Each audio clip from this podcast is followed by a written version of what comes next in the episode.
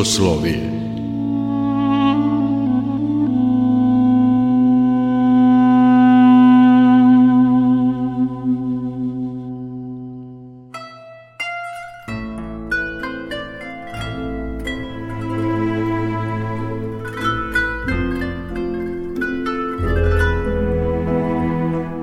Slušate Soslovije, religijski nedeljnik Radio Novog Sada.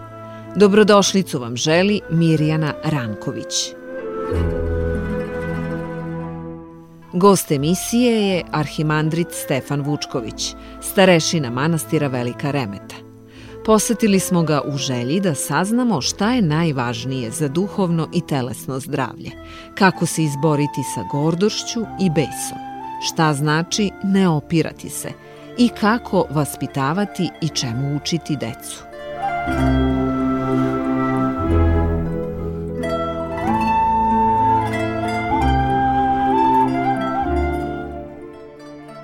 Oče Stefane, šta je najvažnije za duhovno zdravlje i kako da, da čovek se spase?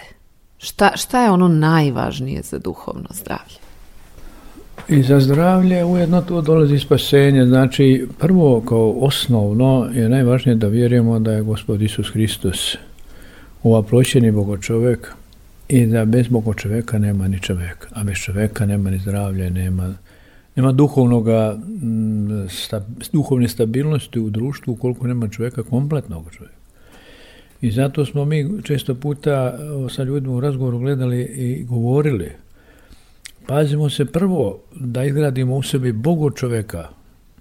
Tako i apostol Jovan Bogoslov kaže, Boga nikad niko nije video, da se razume. Iako on staju pod krstom kad on strada, iako on na večer naslonuo se na prsa njegova, pa su oni iz s tog razloga na prsnik, znači na prsima naslonjen i oslušno najdublje tajne neba i zemlje, ali ipak je Boga niko nije vidio.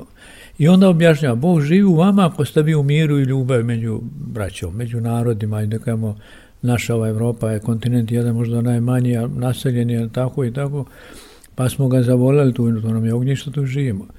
E sad, kad ti ljudi se međusobno poštuju, možete primetiti, na primjer, uzmite od nas, počnemo od, od, od, od, Srbije, pa počnete recimo od Grčke, pa Bugarske, pa onda imamo do Rumunije, onda dolazimo Nemačka i tako te države, mi možemo da kažemo da ti ljudi žive lepo u harmoniji. U među tu se osjeća Božja blagodat i Božja milost i treba prosto reći zdrav, zdrav čovjek i zdrava duša i tijelo.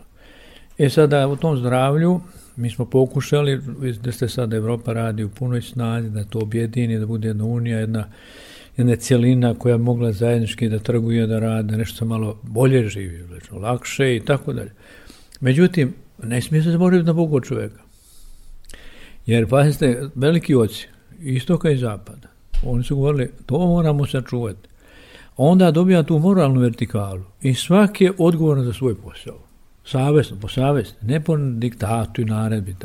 To je onda to zdravlje duše i tijela opet izraženo u tome i zato je ovaj, potrebno i danas u naše vrijeme kad imamo jako mnogo informativnih sestava da jedne drugom kažemo onako kao što osjećamo iz dubine duše i želju, iskrenu, najiskreniju ljubav prema a, kontinent u kojem živimo i onda možemo da volimo i Aziju, i Afriku, i Ameriku, i Rusiju i sve ćemo zavoleti.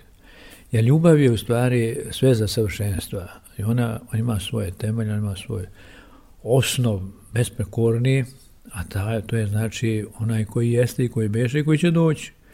Da sudi živa i mrtvi, čim sas neće biti kraja, to je u stvari prvi Vasenski sabor u Nikeji 325. godine zabeležio, ostavio nama Drugi sabor u Carigradu je potvrdio opet blagodat Duha Svetoga. Znači, mi imamo toliko utemeljeno ovaj, verovanje ono, u dobro, u savršenstvo, zdrave duše i tijelo, pa počnemo od toga, da iz toga zdravlja izlazi blagodat Božja koja mnoge ljude obasjava. Po rečima Serafima Sarovskog, recimo svetoga čoveka koji kaže, pa ljudi, braća moja, kaže, zavolite smernost, samo smernost, hiljadama ćete duša u sebe spasiti. A znaš šta je smjernost? Mjera. Znači, u svemu, jelu i pići, odelu i u modi, garderobi, kako ćeš. E sada kad to zavolimo, čujemo opet jednog velikog oca, istoka, Antonija Velikoga, gdje kaže, svaki grijeh mrzak pred Bogom. Nijedan nije, zato što je Bog čist. Bog je potpuno savršenstvo. E sada, ali najmrskiji, najodvratniji greh je pred Bogom, a i pred ljudima gordost srca. Kad se u srcu pogordi čovjek, on smatra da je ništa oko njega ne valja, da svi ljudi naopak. Da se sve nešto okreće naopako, turbulencije strašne, a on u stvari samo po sebi je turbulencija. Tako se desilo, na primjer, koji ste i perspektive nebeske sile. Da Satanajlo je bio pred Bogom, stajao svijetli anđeo. O svetlosti sjaja on bio prekrasno lep, brz. I do te mjere da je počeo u svom bijesu da razmišlja da on, da on stvari Boga, ne onaj koji ga stvorio. Pa jedan put je rekao, kaže, kako prorok Isaija blagovest, on kaže jedne prilike, ja ću sagraditi grad na vrh gore, neće, na vrh gore. Ja ću paralelno da carim s tobom, neće više da se da sluša. Istog momenta, kako naš jedan profesor objašnjava, kada je onaj il povukao se od njega, kao blagodat, ostao je samo satana. Satana il, il se od, od, odmako kao kad imate nekoga čoveka u hladno vrijeme, tako obuko dobru neku bundu, i nešto se zakače s kim, pa skinuto. On je već ozev, on je hladan, on je već spreman da bježi levo i desno jer nema, nema topline. E tako je on, kad izgubio tu blagodat, on je postao u stvari onaj zavidnik koji zavidi sad anđelima koji su ostali dostojni poslušanja Bogu, pa onda postaje on njegova stara otrovna zmija koja će prevrta dama u raju, pa i pramajku Evu i tako dalje. Znači čovjek e, slično tome, ako dozvoli sebi da se pogordi u srcu svome, on može da nanese štetu prvo sebi, pa onda i okolo ljude prezire, što je rekao mitropolit ovaj, Marko, on je u stvari mitropolit e, crkve, Ruskog patrijarhata u Berlinu i on je mitropolit cele Germanije i kaže ovako, čovjek kad počne da bjesni u svome nekom bijesu, prvo ubije sebe u sebi, pa onda ubije Boga u sebi, pa onda počne ljude da tuče oko sebe. Znate, to je jako opasan moment. I on onda kao mitropolit razmišlja, velika je stvar moliti se Bogu da takvi ljudi ovaj, ne odu, da ne odu u tu krajnost, jer onda ne valja, onda počinju biti bune, pobune, pa na neki način neodređeni pravci, kao što su koncentracioni logori, progoni, tuče i tako dalje. Mi se kao pravoslavna crkva, verujem, na celom, celoj pravoslavnoj vaseljeni zalaže za jedno, a to je da ljudi međusobno steknu tu ljubav koju je rekao apostol Pavle. Bog u stvari stanuje u ljudima koji imaju ljubav međusobno, jer je Bog savršena ljubav. Sve za savršenstva je beskrajna veličina. On je, kao što je malo pre rekla sestra, ovaj, kaže kako je sunce daleko od ljudi, ali kad ugrije svakoga obasja. Tako je ljubav božanska, ona kad se useli u čoveka, vi bi rekli daleko je, nemoćno je, neće moći stići, ma kako neće, pa da stiže, jer on je svemoćan, on je Bog svemogući, svevišnji, sve silni, sve znajući, to će vam reći, recimo, i hrišćani, muslimani, jevreji koji imaju vjeru jednoga Boga i uvijek ispovedio tu jednu istinu suštinsku, je istina u jednini, a u nas je u hrišćanstvu otkrivena tajna gdje se pominje i postasi. Znate, gdje se Bog pominje u trojstvu, u trojicu jedinci, jedinica u trojici, znači jednosušna i, i nerazdeljiva. E ta nerazdeljivost u stvari sija celom čovečanstvu. To je slično kad sam jedne prilike objašnjavao mome jednom prijatelju, kaže, objasni, objasni to malo preciznije da znam šta je trojičnost, a da se a nije nerazdijeljena. Onda sam rekao ovako, imaš li u kući sveću? Kaže, imam sveću kako nema. E, vidio si da se ona sastoji prilike od voska ili parafina i fitiljima unutra, jest. I sad šta još dodaš tu? Neku, neku, ajde, neki plame, neku vatru, li šibicom, li upaljačom, i kad to se upali, kad plane, šta onda daje ona u tvoje kući u mraku? Pa kaj svjetlost? E, to je ta suština. Znači, svjetlost nije razdeljena. A uvijek imaju svoje i vosak, svoj fitilj, svoju šibicu ili upaljač. Znači, to je troje, ali kad dobijemo svjetlost, kao da i nema, kao da nema troje. A uvijek kad se, kad se ovaj, damo uloge, vidjet ćemo da ne mora bez fitilja, a ne mora bez voska, a ne mora bez svjetlosti. Znači, to treba.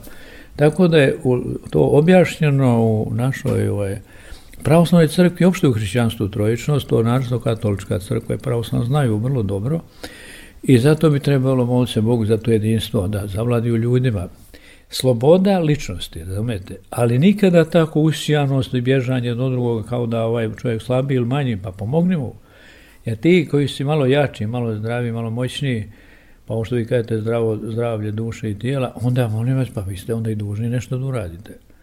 Ne moramo se jednog čovjeka koji ne moćnog vida da preziremo. Kad Hristos pred Jerihonom kaže ono, šta želi da tu uradim, pa samo da vidim. Pa evo, progledaj. Kaže, onda kada kaže, pa vjera, to je spaslo te, ali idi sada, javi se svešteniku. Znači, zašto? Pa ima naredba koju je napisao prorok Mojsije, šta se prinese na dar Bogu radi svjedočanstva onima koji ne znaju. Znate, to, to je, tako se postupa.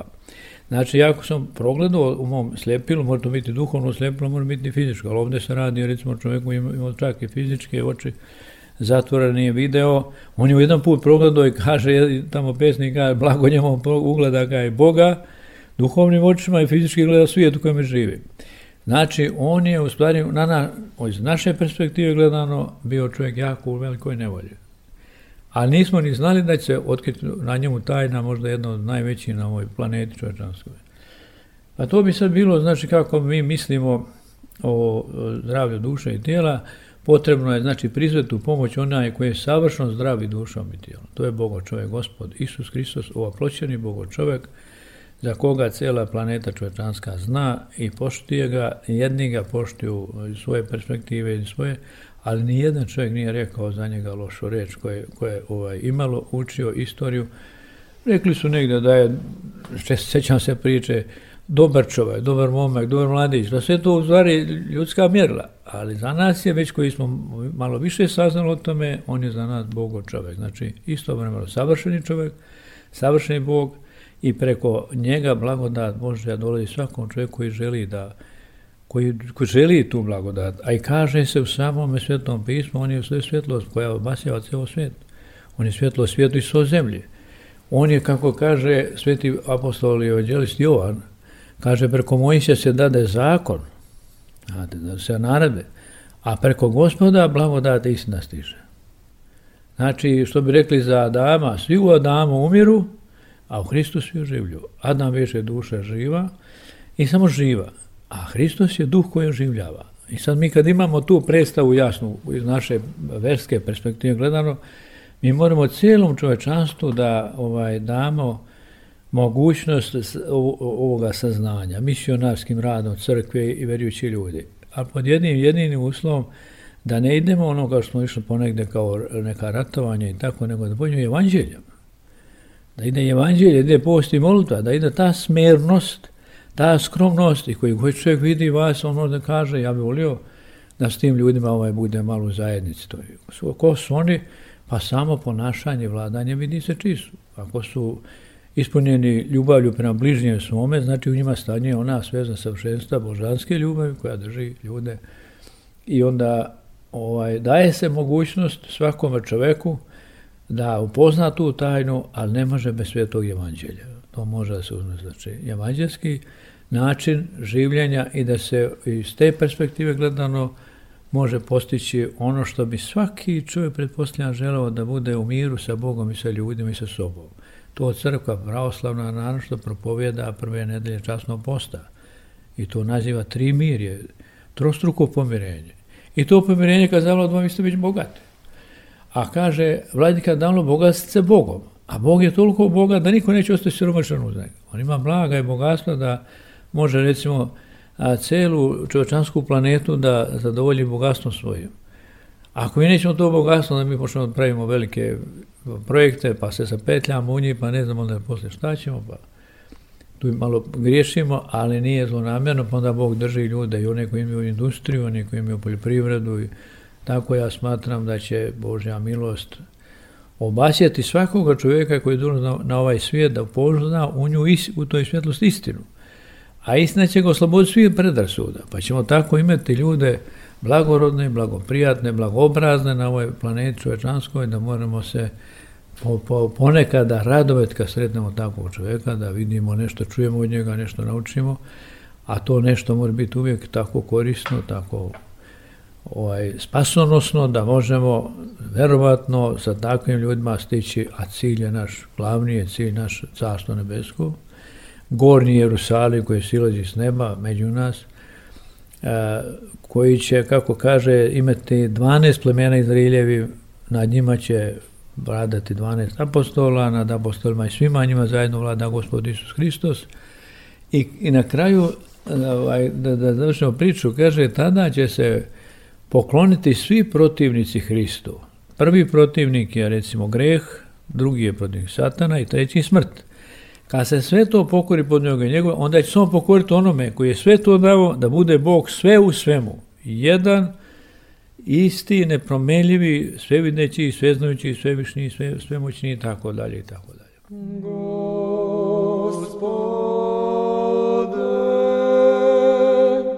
ti koji gledaš u srce čovečije,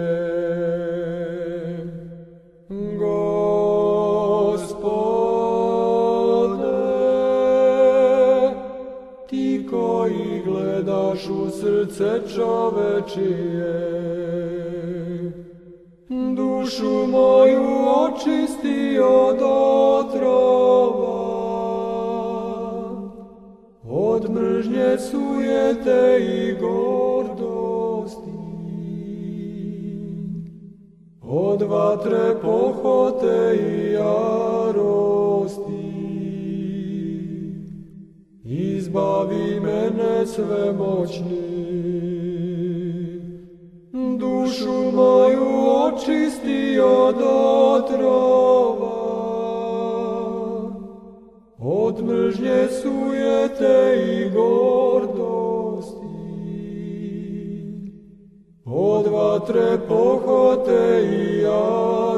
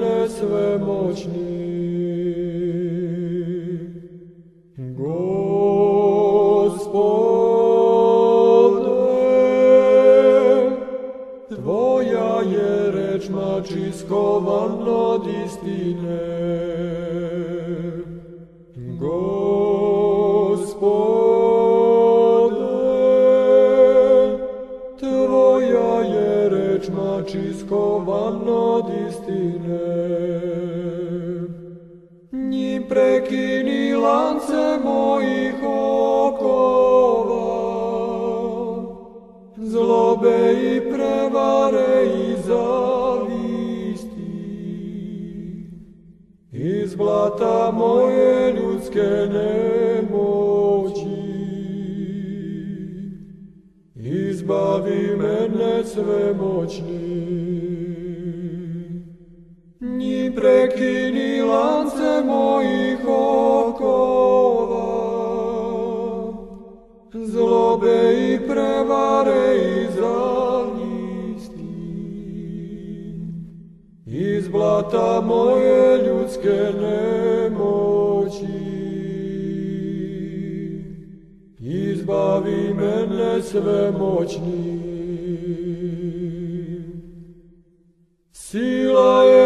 Tamo gde si ti, pravda je tamo gde si ti.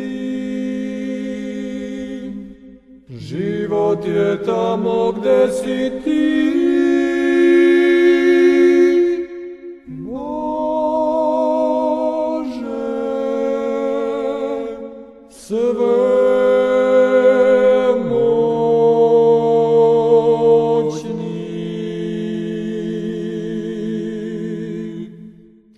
Slušate Soslovije, religijski nedeljnik Radio Novog Sada. Naš gost je arhimandrit Stefan Vučković, starešina manastira Velika Remeta. Šta znači ne opirati se? Kako se ne opirati? Šta to konkretno znači evo, u, u svetu kad čovek živi? Pa bilo bi ja možda mo, izraz ne, ne protiviti se, na primjer, ali ne možete ovaj, da se ne protivite, ovaj, pretpostavimo, grijehu. Mora da stanete i sam vladika Njegoš kaže, altirijanstvo stati nogom zavra. Znači, izustavi taj svoj bijeć, to svoje pijanstvo, to je razvrat, to je razbojništvo, ne znam, ovaj, da stanemo prosto za vratom, da ne, ne ovlada sna, sa nama. Znači, suprostavljanje je u stvari revnost, revni, revnost čoveka koji ovaj, ne, ne, ne slaže se sa nepravdom. Kao što se kaže u himni ljubavi koja je u stvari napisana Korinćanima, rukom apostola Pavla, on lepo govori kad kaže moramo se izgraditi do te mjere da gledamo licem u lice Božju blagodat. Jer ona će ovaj doći u svoje vreme. Ali ako to ne postignemo, onda se nismo protivili recimo grehu kao što tamo kaže dalje u ljubavi, kada ljubav se protivi nepravda, radi se pravde. To je, to je star, ba ko je to? Pa to je Božja milost i pravednost večna. I zato mi, na primjer, kad a, možemo uporediti najobičnije radnike, ljudi na poslu, vidjeli kad nekad radnik kaže, ne može ovaj posao da se izvede ovako. Je se pojavila na terenu promena a, konfiguracije zemljišta ili recimo neka nadolazeća klizišta i onda on pravo, on, on, on po svojoj savjesti osjeća ne mora. Glavni inženjer dolazi da pregleda situaciju i složi se da to ne može. Njegovo opiranje nije bilo protivljenja ni inženjeru, niti gradilištu, nego situaciji koja nepredviđeno izbila kao erupcija vode, zemljište, vulkana. Vidjeli ste, imate toga dosta u, u istoriji zapisano.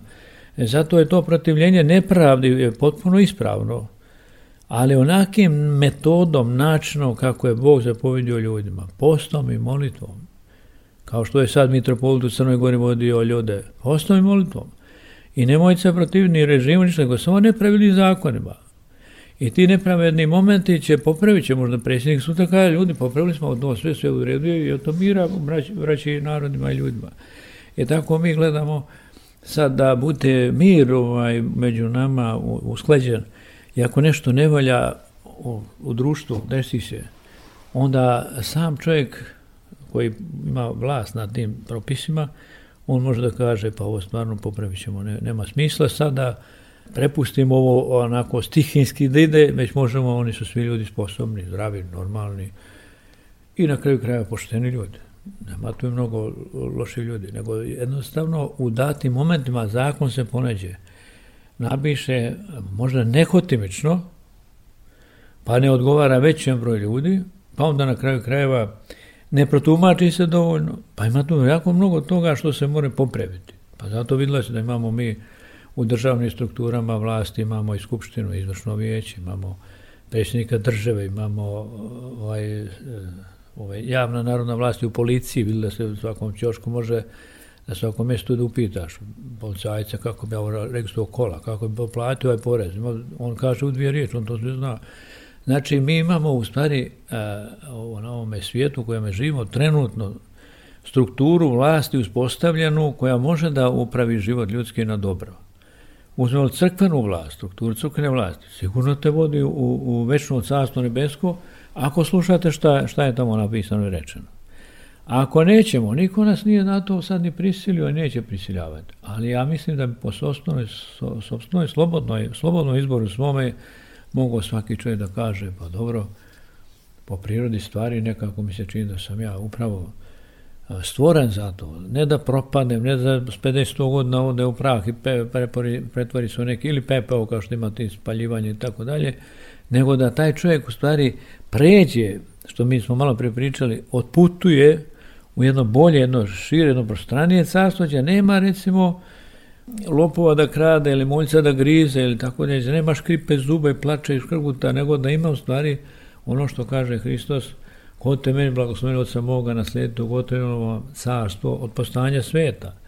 Pa on nabraja vrline, Vladan bir na kranište me, žeda mi napojiste me, nag bi odoneste me, strah bi primiste me, bonz bi obiđešte me, tam bi posjetište me. To sve vrline koje vode sa desne strane slave njegove, gdje beskrajno carstvo njegovo svjetlosti i sjaju.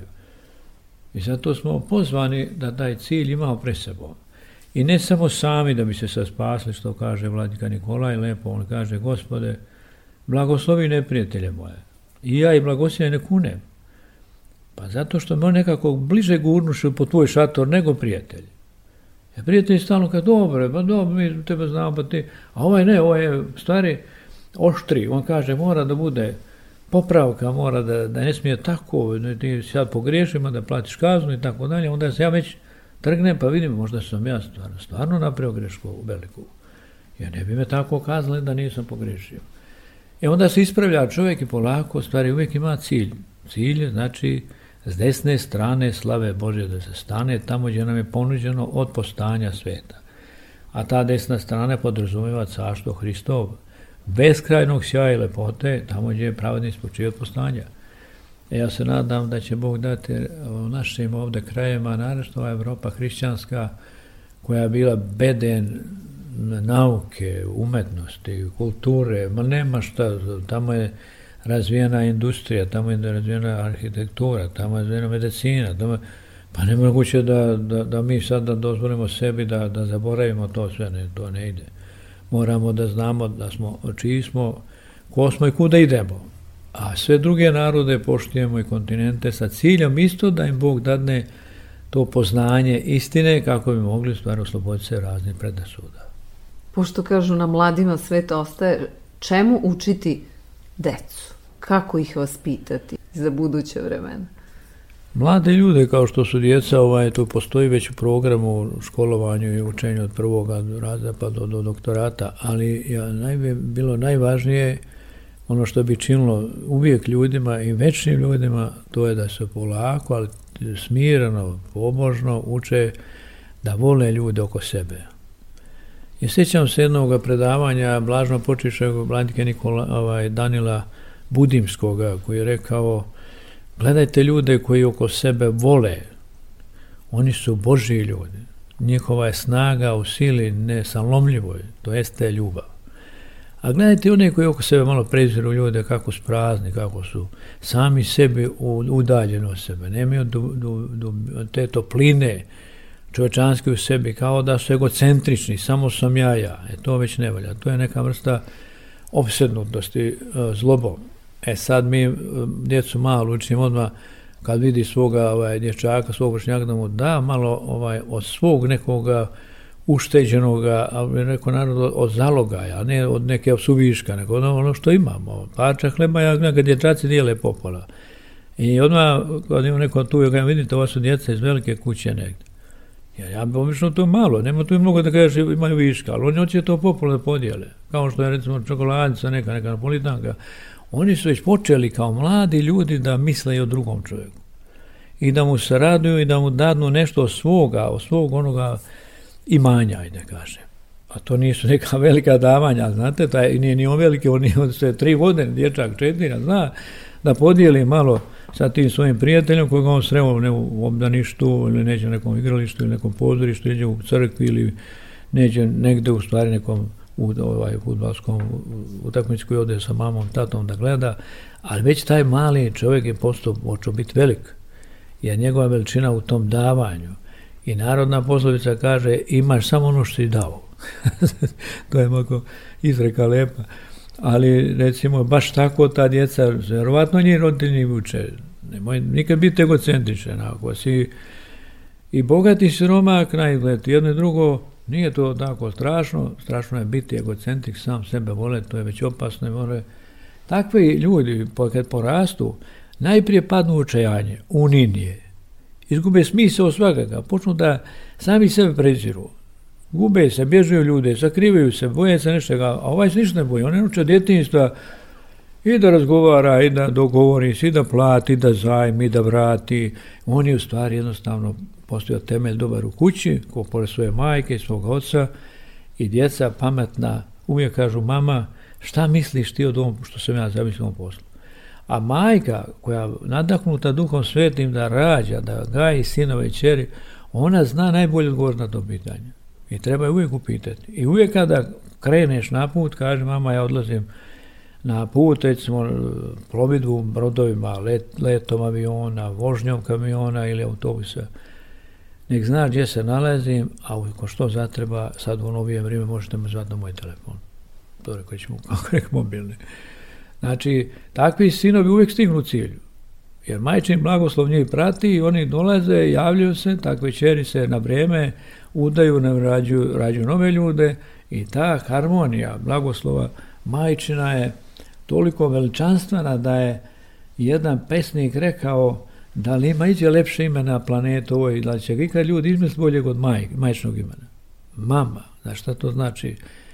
Čovjek se prosto u tome momentu oslobodi svi predrasuda. Ima majku koja će njemu kazati, sine, nemoj da budeš ni pjan, ni trezan preko više, nego čovek, ostani ono što jesi. Zato što znači, biti čovek, znači u ovo vreme, a i ono kad je pisano, to bilo teško, ali taj teret, on dobije svoj smisao u tom čovečanskom liku.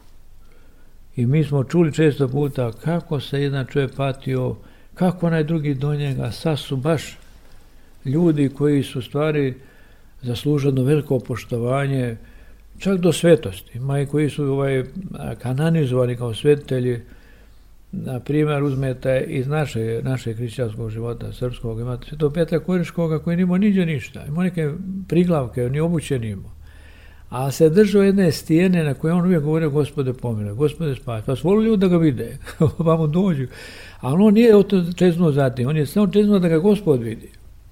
I dan po dan dođe vreme njegovog kraja ovozemaljskoga i ne prođe nešto malo sveta crkva ga kanonize kao svetelja, jer su ga ljudi zavolili pa smo dolazili u njegovome recimo grobu, pa posle su izveđene mošti iz groba, pa je on postao sveti otec, pa njegove svete mošte u manastiru Crna rijeka sada moščivaju.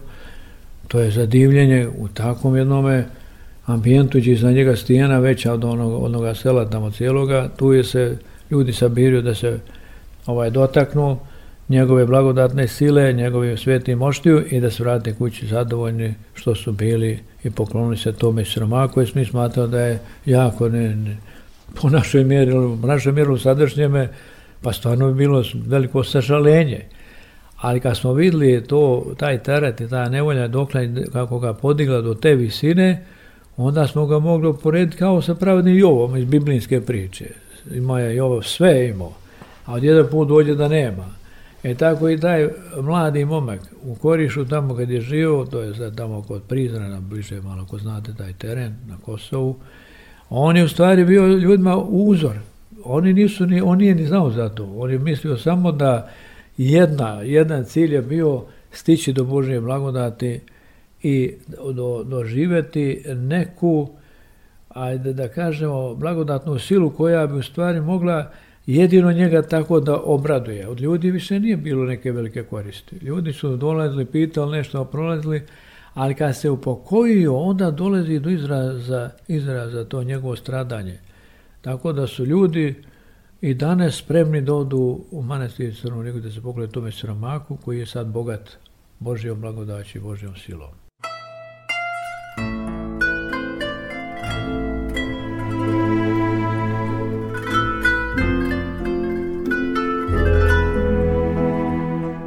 Gost emisije bio je arhimandrit Stefan Vučković, starešina manastira Velika Remeta. Soslovije realizovali ton majstor Violeta Marković, muzički urednik Nikola Glavinić, urednik i voditelj Mirjana Ranković.